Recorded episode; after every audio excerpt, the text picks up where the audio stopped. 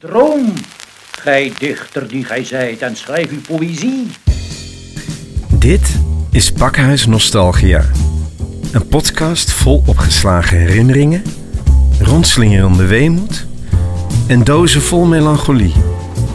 Met verhalen, gedichten, weetjes en klanken. Welkom. Oerloos staan rozen als kelken vol purperen wijn. Hij nadert weer, die schimmenvaart gebleven. Sinds gij u aan mijn Het was een blik herfst als nu. De herfsten keren, maar niet de harten. Jongens, naar- leef van poëzie. Maar haast u, want het kan verkeren. Nee. Ja. Hier, aan deze kant, zie je? Deze deur. Kom maar, gaan we naar binnen.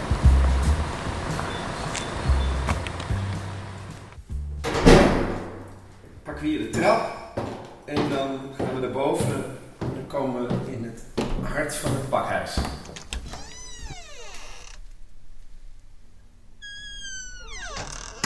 Nou, nogmaals, eh, welkom.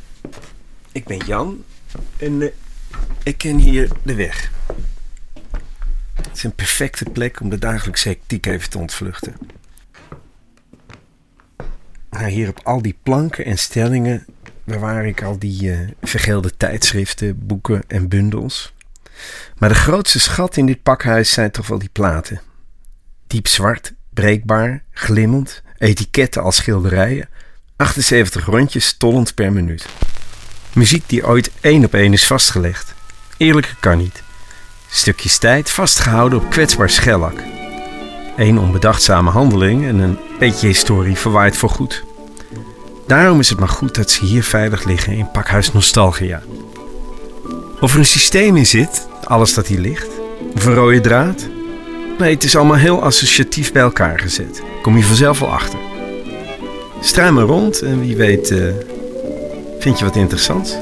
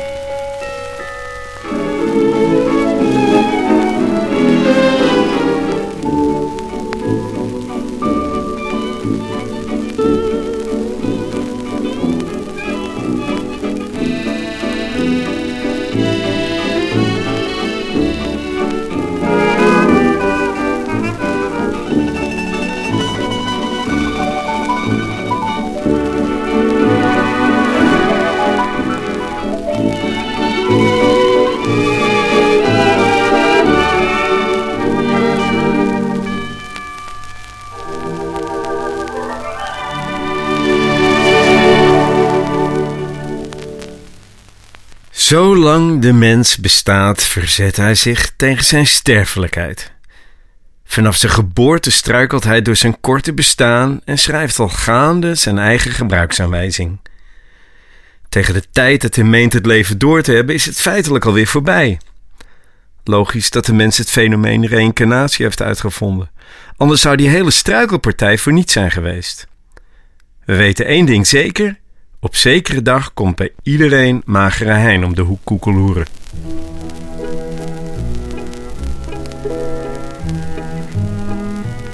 Wanneer we ons dan toch bij onze sterfelijkheid moeten neerleggen, is de enige zachte troost te streven naar het nalaten van zo diep mogelijke sporen.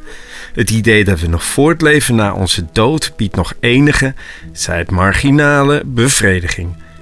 Dus begon ik ooit enthousiast aan het ene briljante boek dat nooit voltooid werd, schilderde doekjes die hooguit in een liefdadigheidsbazaar zouden belanden en schreef liedjes die flauwe aftreksels waren van geniale voorgangers. Mijn hoofd weet maar al te goed dat het draait om bewust, sociaal en gelukkig leven in het heden. Een hoger doel is er niet. Maar mijn kinderziel kan het niet laten te proberen haar sporen te trekken. Zoals degene die bij een nieuwbouwproject stiekem over natte cementdelen loopt. Op een dag ontsproot een nieuw, maar allesbehalve uniek inzicht aan mijn brein. Verzamelen! Een indrukwekkende collectie zou mij overleven en mijn gedachtenis levend houden. Ten slotte verzamel ik al jaren muzikale pareltjes op breekbare 78 toerenplaten. Stukjes tijd van drie minuten, kleine luchttrillingen die door reeds lang begraven mensen in beweging zijn gebracht en bevroren werden in nog ongestolde schellak. Ik zou mij, door mijn ijverige werk als collectioneur, voegen in de rij van Van der Hoop, Van Egen en Wielet niet dat ze zelf veel bijzonders hadden gepresteerd, behalve dan het nalaten van een indrukwekkende kunstcollectie. Onverwacht spatten een aantal jaren geleden mijn ideales en zeepbel uiteen toen ik afscheid nam van mijn overleden oom Lau. Als eeuwig vrijgezel had hij zijn leven lang opmerkelijke literaire werkjes verzameld. Hij struinde tweedehands markjes af voor eerste drukken en moest zijn woning laten stutten voor het overgewicht aan gebonden papier. Nog geen twee weken na zijn verscheiden viel zijn pregnante verzameling ten prooi aan containers en opkopers. Verzamelen is blijkbaar ook niet de weg tot onsterfelijkheid. Al jaren fiets ik dapper door het drukke centrum van Amsterdam. Geroutineerd manoeuvreer ik tussen de wandelende toeristen, die geen enkel besef hebben van ons complexe fietssysteem. Ongeveer een jaar geleden viel het kwartje. Op mijn dagelijkse fietstocht minder ik vaart als er een Japanner in het vizier komt die zijn metgezellen vastlegt tegen het decor van onze pittoreske hoofdstad. Inmiddels heb ik een feilloze timing. Op het moment dat de foto gemaakt wordt of de videocamera draait, koers ik omzichtig tussen lens en doel. Klik! Ik ben weer breed lachend met opgeheven hand voor de eeuwigheid vastgelegd. In talloze huiskamers verspreid over Japan komt regelmatig het vriendelijke tronie van de Hollandse autochtoon in beeld wanneer de vakantiekiekjes aan familie en vrienden worden getoond. En nu maar wachten op het onvermijdelijke, want één ding is zeker: leer mij de Japanners kennen. Binnen afzienbare tijd is er iemand die de link zal leggen. Wie is toch die kale vent die in geheel Japan in al die foto- en videocollecties opduikt? En hij zal niet opgeven voordat hij de link heeft gelegd en de sporen heeft herleid naar de inmiddels lang gestorven ondergetekende. Ik ben onsterfelijk. You are the girl meant for me. Here's a glass of rice wine, so mellow and so sweet. Why don't you drink it and give me a smile? Let's make up time for a future bright. Ne, tonko tonko. A double string of pearls and your beautiful eyes. Twas in twilight, Kinsley Avenue, just around the corner. Love at first sight in a tea room. You were like an angel sent from heaven above. Ne, tonko tonko.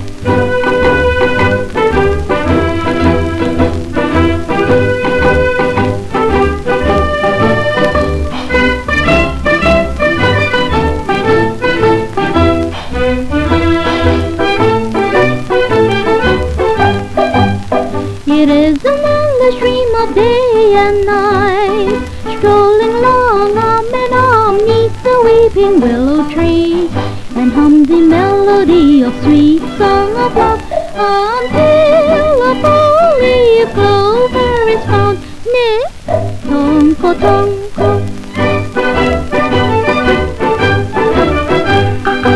Am I to be blamed for loving you, my dear?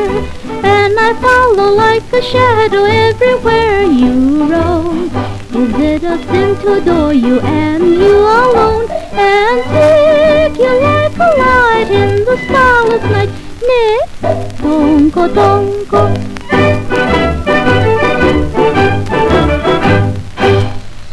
Dat is een eh, heel oud Japans volksliedje, Tonkobushi. En dat, eh, dat kocht ik ooit op de Vrijmarkt in 2008. Ook weer zo'n oude 78 toerenplaat. Maar ik kende het eigenlijk al. Je had eh, in de ja- eind jaren 80 had je een eh, band, The Magnificent Seven. Dat was een band met Velofsky en met eh, drie of vier leden van Doe Maar. Onder andere Henny Vrienden. En zij speelden allemaal eh, oude filmmuziek en ja, rare vergeten nummers. Waaronder dit nummer. Ik had daar een cd'tje van. En opeens kwam ik dus deze 78 toerenplaat tegen. En ik vroeg me af, hoe zou die eh, Magnificent Seven ooit aan dit nummer zijn gekomen? Dus ik, eh, ik stuurde een e-mailtje aan Velofsky. En ik schreef... eh, ik heb een prachtig exemplaar van Tonkobushi op breekbaar schellak. Ik vond hem stom toevallig vorig jaar op Koninginnedag op de Vrijmarkt in Zuid op de Apollolaan, waar het rommelaanbod aantrekkelijker bleek te zijn dan in de rest van de stad. Nou, dan schrijf ik nog wat dingetjes en details. Ik herkende jouw leuke coverversie met de Magnificent Seven. Vervolgens ging ik op zoek op het internet en in naslag werken maar over de plaat en de mevrouw met de spannende, waarschijnlijk artiestennaam Gladys Tsutsumi is niks te vinden. Eh, nou ja, dan vraag ik hoe zij daar aan is gekomen. En ik kreeg een heel leuk mailtje terug. Beste Jan, wat super. Ja, deze versie was het die we met de Magnificent Seven hebben uitgezocht. Ik kreeg hem in mijn bezit op cassette via Gerrit de Jager, de striptekenaar. Zijn vader, of die van zijn vrouw, was KLM-piloot en verzamelde grappige plaatjes uit den vreemde. Een aantal daarvan had Gerrit op de cassette gezet en daar hebben we dankbaar gebruik van gemaakt. Gladys Tsutsumi dus. Aha, wij wisten niet wie. Eindelijk de informatie die we ook op de cd hadden moeten zetten. Ik moet met de koning in de dag nodig eens gaan neuzen op de Apollolaan. Nou, hartstikke leuk. Maar dan eh, is het verhaal nog niet klaar, want dan weet ik eigenlijk nog steeds niet wie nou mevrouw Gladys Tsutsumi is. Dus ik plaats een oproepje op het internet. Dat is zo bijzonder, dat World Wide Web. Op een dag komt er een mailtje binnen. Please allow me to introduce myself. My name is Steve Okazaki and I am the son of Gladys Tsutsumi, who you featured on your website. I noticed you mentioned in your brief narrative that Gladys Tsutsumi remains a mystery. I hope the following will shed some light on my mother. Mom was born Gladys Yuki Tsutsumi in Honolulu, Hawaii in 1929. Hawaii was still considered a territory of the United States. She was raised in the islands and was witness to the Japanese bombing of Pearl Harbor. She always had a passion for singing. In fact, after World War II, my aunts and uncles recall Mum performing in a singing contest at the Kokusai Theater in Honolulu. As it turns out, she took home first prize and a brand new refrigerator, a real big deal at the time. While working for the United States federal government in Japan in the early 1950s, she recorded Tonkobushi with the Columbia Orchestra. I am told a DJ, Lucky Luke, played this song on the local Honolulu radio station KGMB, which made the top 10 in Hawaii. Upon returning from Japan, Mom moved to San Francisco, where she met Dad. Mom and Dad raised myself and my sister never to sing professionally again. I can remember as children Mum singing to us as we prepared for bed. She would sing in both English and Japanese. On July 5th, 1998, mum passed away. As it turns out, her younger sister, Lynn, Googled Mum's name and by chance discovered your website. I can't tell you how emotional the emails were yesterday as we all exchanged emails acknowledging this wonderful find. Hearing her voice truly sent shivers through my body. Nou, dat is toch bijzonder, hè? En ja, sorry voor mijn uh, Engels. Nederlands-Engels is het meer. Misschien moet ik daar uh, wat aan doen? Introduction. Let's speak English. Part 1. Good morning. Listen, please. I am the teacher. You are the student. I am English. You are not English. An Englishman speaks English. Englishmen speak English. I am speaking English now. This is a table. This is a gramophone. This is a record. The record is on the gramophone. The gramophone is on the table. You are listening to the record. You are hearing my voice. You are learning to speak, to understand, to read and to write English. I am speaking slowly. When I speak slowly, you understand me. When I speak quickly, you don't understand me. Good afternoon. How are you? Quite well, thank you. Now please, answer my questions. Am I the teacher? Yes, you are. Are you the student? Yes, I am. Am I English? Yes, you are. Are you English? No, I'm not. Do you speak English? Yes, I do, but only a little. What is this? It's a record. Where is it? It's on the gramophone. What are you listening to? I'm listening to the record. Whose voice are you hearing? I'm hearing your voice. What are you learning? I'm learning English.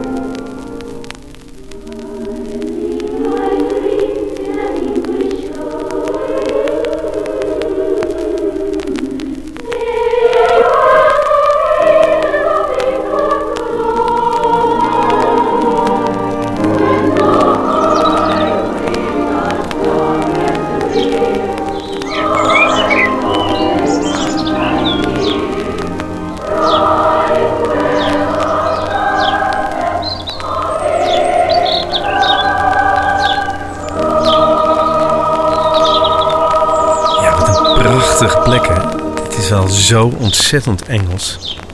Zo'n tuin doet je heel erg denken aan het eh, Engeland van Jane Austen, Agatha Christie, Downton Abbey, The Crown. Dat is het, eh, het idyllische beeld. Engeland met mooie tuinen en parken. Ik zou me hier ook heel goed kunnen voorstellen dat de jaarlijks Garden Contest in een aflevering van Midsummer Murder zich hier zou afspelen. Of dat je Miss Marple tegenkomt die eh, haar uh, rozen staat te snoeien. En vanuit die sentimenten begrijp je beter dat ze zo aan zo'n verfoeid Brexit-plan hangen. Dat geïsoleerde Engeland van de, de ooit machtige British Empire. Het is hier ook echt idyllisch. Het staat natuurlijk ook heel erg ver af van de arbeiderswijken in grauwe Engelse industriesteden. En uh, wacht even, ik moet, moet even op hoede zijn, want daar komt, een, uh, daar komt iemand aanlopen met een enorm grote hond. Nou ja, één hond. Er lopen nog mensen achter. Het is een, hele roedel. Ja. Tijdens uw wandeling kan het gebeuren dat de hond plotseling naar een andere voorbijlopende hond gaat trekken en tegen deze vijandschap toont. Blijf rustig. Spreek tegen uw hond streng en waarschuwend. Geef desnoods enkele rukjes aan de lijn en loop door net alsof er niets gebeurt. Hoe zenuwachtiger en drukker u zich maakt, hoe agressiever uw hond reageert. Voor u op stap gaat, laat u de hond uit. Geef hem de tijd om zijn behoefte te doen, maar dan is het afgelopen. In de stad hoort de hond altijd gehoorzaam en zonder trekken aan de lijn te volgen.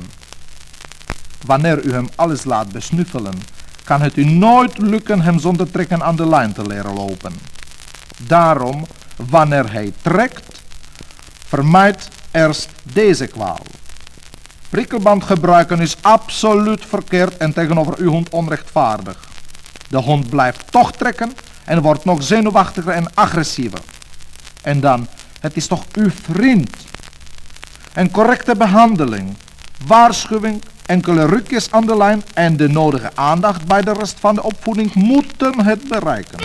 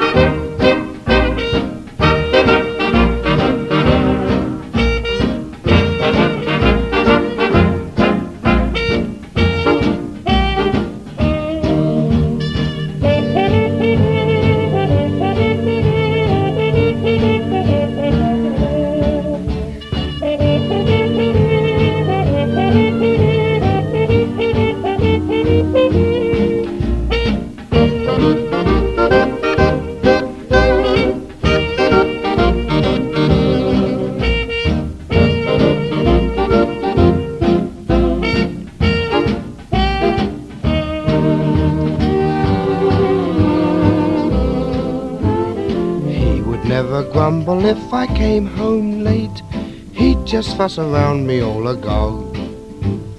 In his way, he'd kinda say, Hello there, mate. My old dog. I remember him when he was just a pup. By my side, the little chap would jog. Proud as any peacock with his tail stuck up. My old dog. No fair weather friend, on him I could depend. He'd a look I'd often seen in Kitty's eyes. No pedigree to show, but roses seem to grow in the corner of the garden where he lies. Whom I was or what I was, he didn't care. When the end is written in the log, if I go to heaven, he'll be waiting there. My old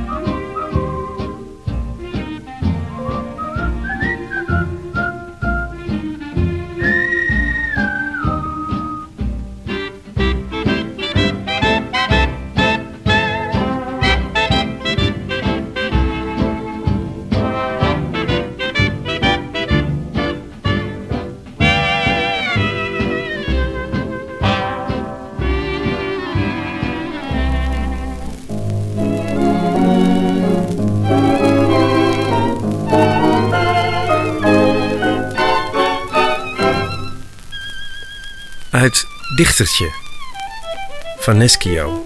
Wat Latijn is voor ik weet het niet. Pseudoniem van J.H.F. Kreunlo. Dichtertje verscheen voor de eerste keer in 1918.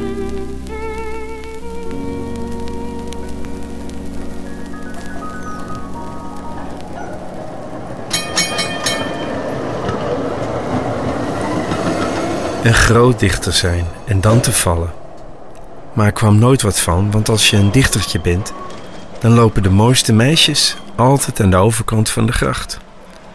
En zo werd zijn hele leven één gedicht, wat ook vervelend wordt. In de tram zat hij en dichtte zo stilletjes voor zich heen. Met zijn twee handen op de knop van zijn wandelstok zat hij te staren en onderwijl te denken dat hij zulke mooie blanke, fijne en slanke handen had, zoals dichtertjes dat doen. Het was uh, zondagavond in november, tegen zes. De straten waren donker en verlaten. Een dame van een jaar of 26 kwam de tram binnen, statiglijk, rijzig in haar bruine mantelpak, de opstaande kraag, manchetten en onderkant van mantel en rok afgezet met zwart bont. De handen in een grote afhangende mof van hetzelfde bruine laken met hetzelfde bont bezet, klein bruin hoedje met zwart bont op het fijne gezichtje. Alles echt lijn 2, museumkwartier. Dichtertje keek even op, recht in haar ogen.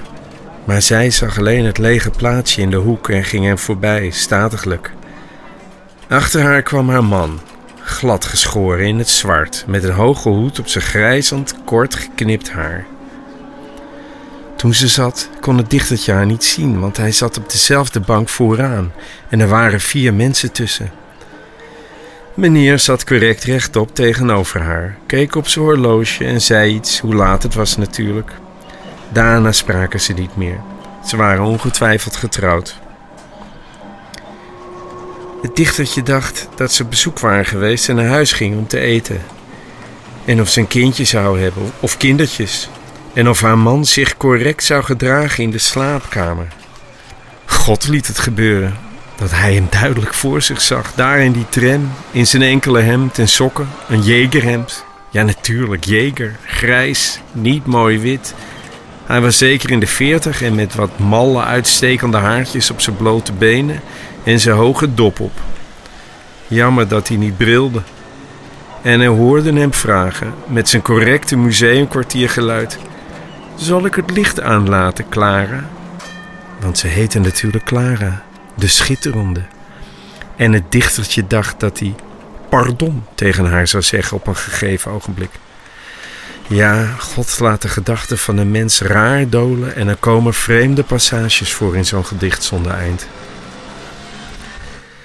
Toen keek het dichtertje op door het ruit van de tram tegenover hem.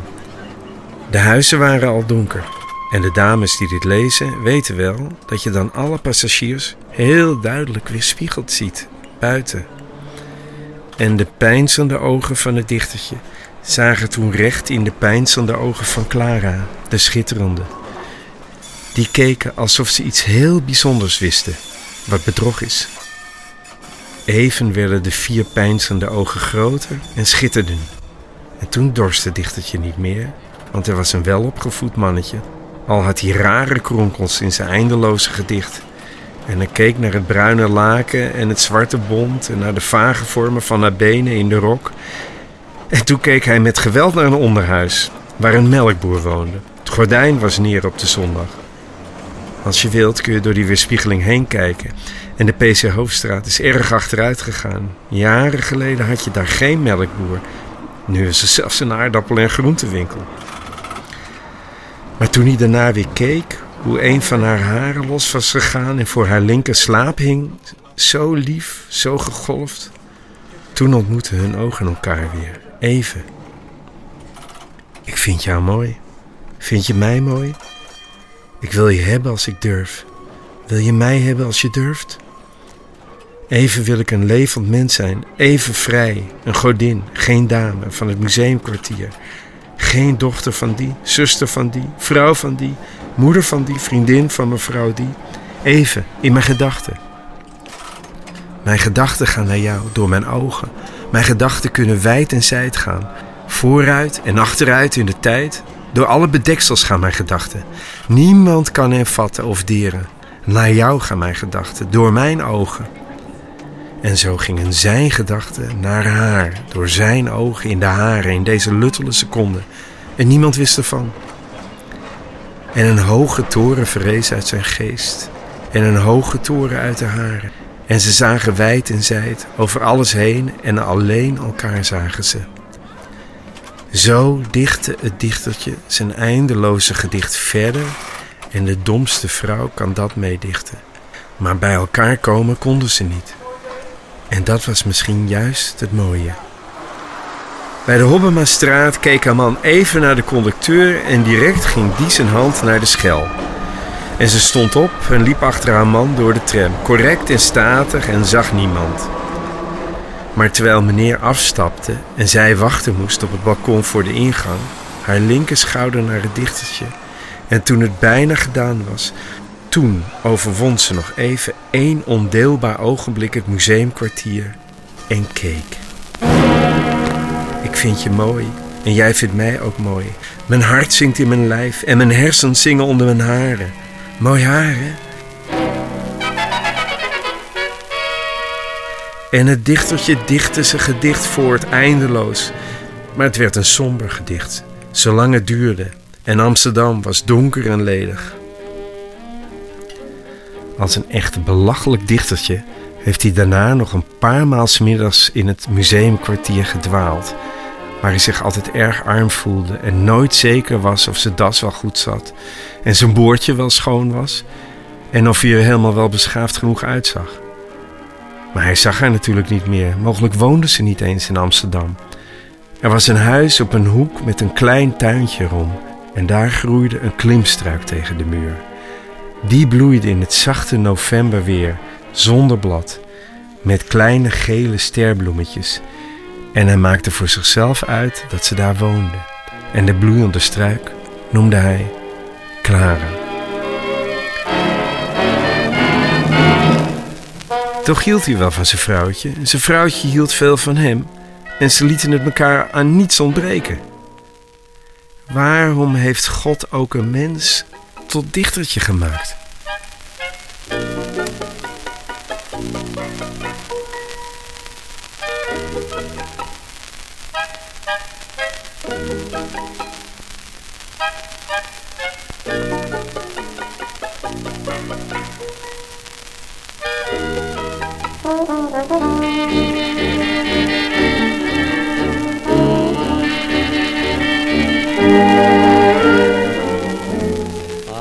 Your little head, madame, and dream about your lips.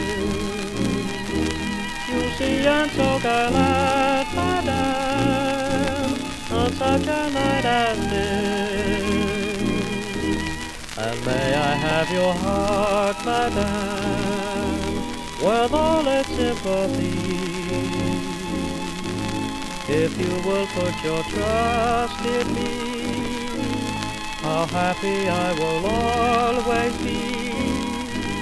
And then I'll kiss your lips, madame, and hold your little hand.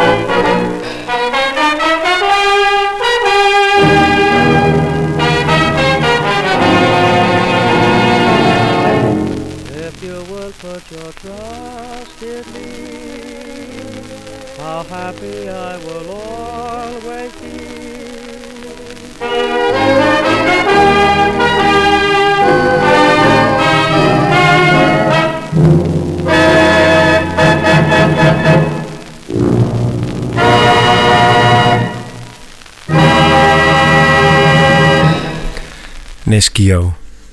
Hij woonde vrijwel zijn hele leven in Amsterdam. En de laatste 35 jaar in de Watergraafsmeer. Dat is in Amsterdam-Oost. Dat is ook de wijk waar het pakhuis Nostalgia staat.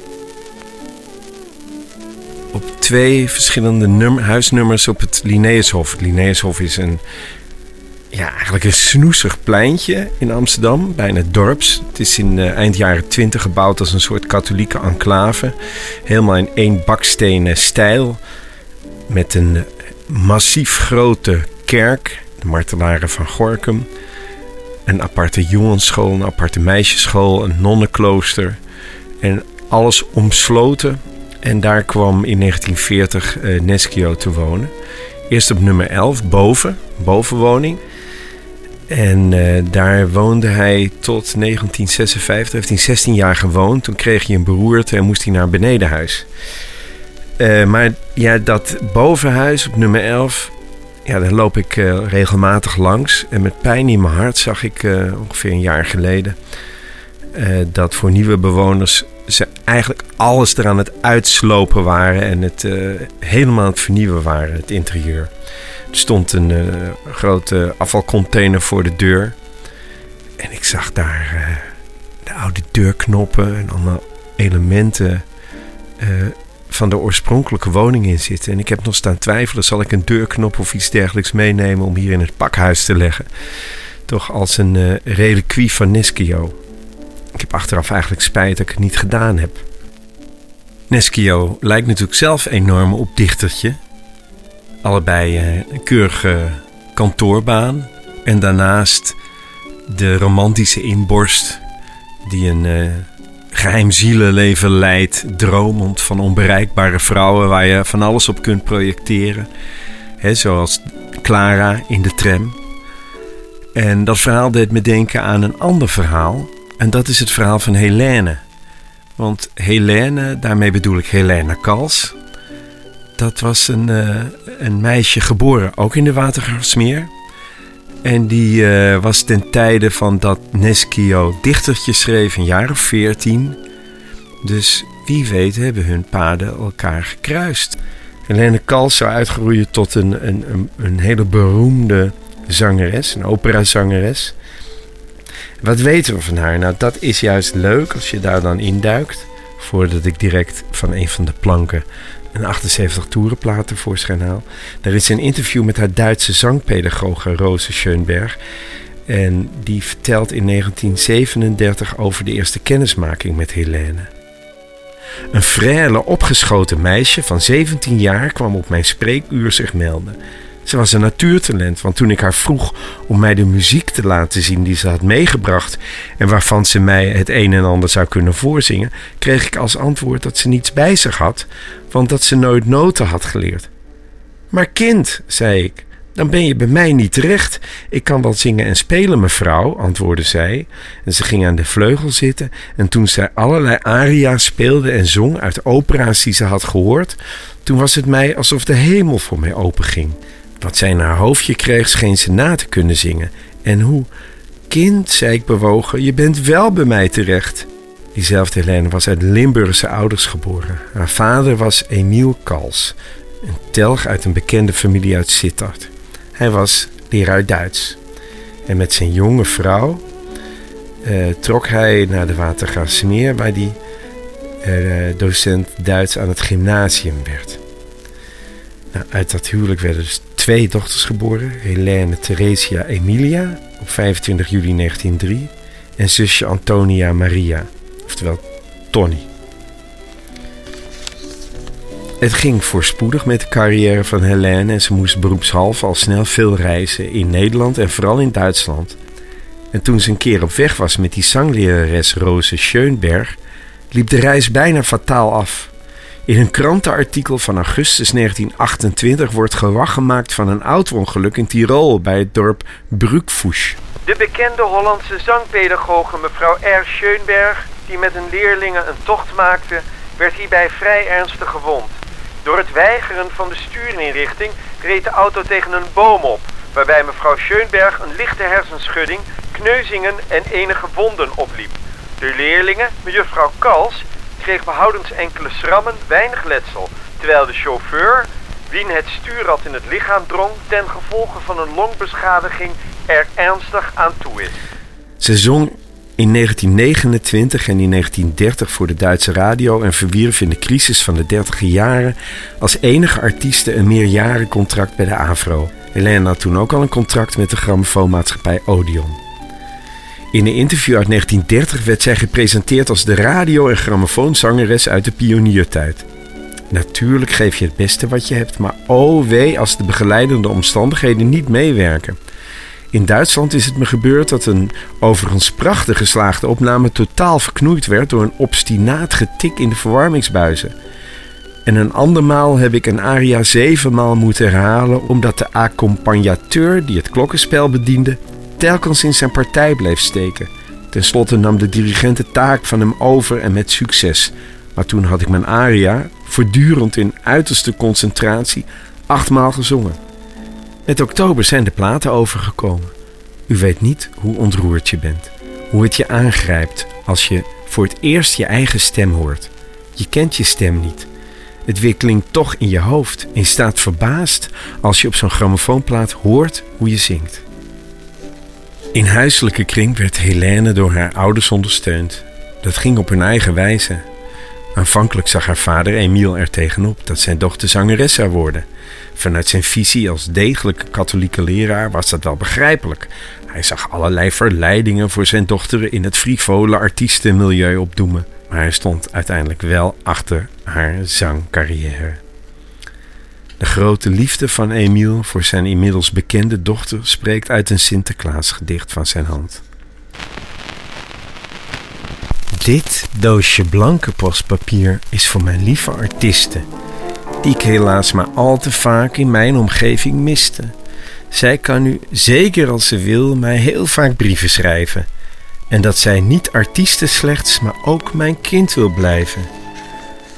Artiesten zijn we alle wel op het toneel der aarde, maar ieder speelt zijn eigen rol van veel of weinig waarde. Maar vroeg of laat is het spel gedaan, dan zakken de gordijnen. Dan moet men voor den regisseur van het aardtoneel verschijnen. Ik hoop, mijn allerliefste kind, dat jij de prijs zult halen. Dat eens je engelreine stem ruisen doors hemels zalen. Dan zal het je aan eerbetoon en hulde niet mankeren. Als duizenden rondom Gods troon voor jou applaudisseren.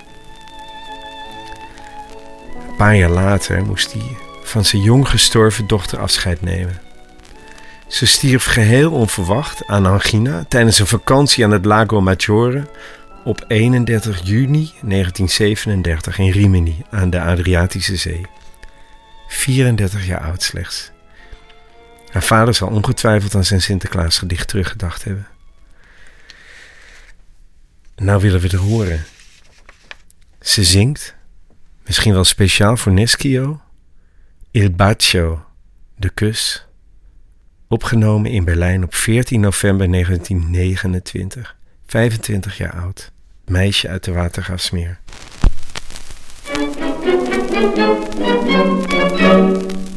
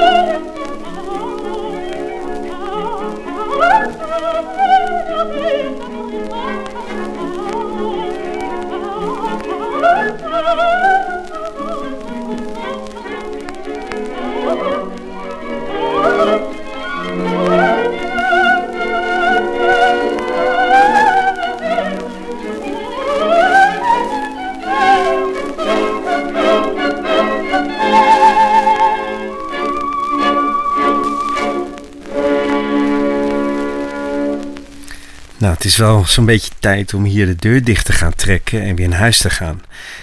Maar als je direct naar buiten loopt, kijk dan even achterom naar het dak van het pakhuis. Dan zie je een hele grote radioantenne staan. Eh, het wil namelijk dat eh, er hier ook in het pakhuis een radiostation gevestigd is. En ik zal het je even laten horen. Want als je nou de muziek leuk vindt die je vandaag in het pakhuis hebt gehoord, die radiozender die zendt 24 uur per dag dat soort platen achter elkaar uit. Je gaat dan naar www.radionostalgia.nl en dan hoor je de hele dag 78 toerenplaten hier uit dit pakhuis. Dit is Radio Nostalgia met muziek uit het tijdperk van de 78 toerenplaat. Nou, ik hoop dat je je vermaakt hebt in Pakhuis Nostalgia. Het was de eerste keer dat je binnen kon kijken en ik hoop natuurlijk dat je nog heel vaak terugkomt. En dat kan natuurlijk door je te abonneren op deze podcast in iTunes, Stitcher, SoundCloud of Spotify. En ik zou natuurlijk heel erg waarderen als je deze aflevering wil liken in je app. Want daardoor komen er weer meer mensen langs bij het pakhuis. Tot slot, er is ook een Facebookpagina van Pakhuis Nostalgia. En daar zal ik de foto's plaatsen van de mensen die uh, een hoofdrol hebben gespeeld vandaag. Zoals Neskio en Helene Kals. En niet te vergeten Glennis Tsutsumi. Met de foto die ik van uh, haar zoon gestuurd heb gekregen. Ik hoop dat je je vermaakt hebt. Kijk uit direct als je de trap afloopt. Hè? En graag tot de volgende keer. Dag. En droom, gij dichter die gij zijt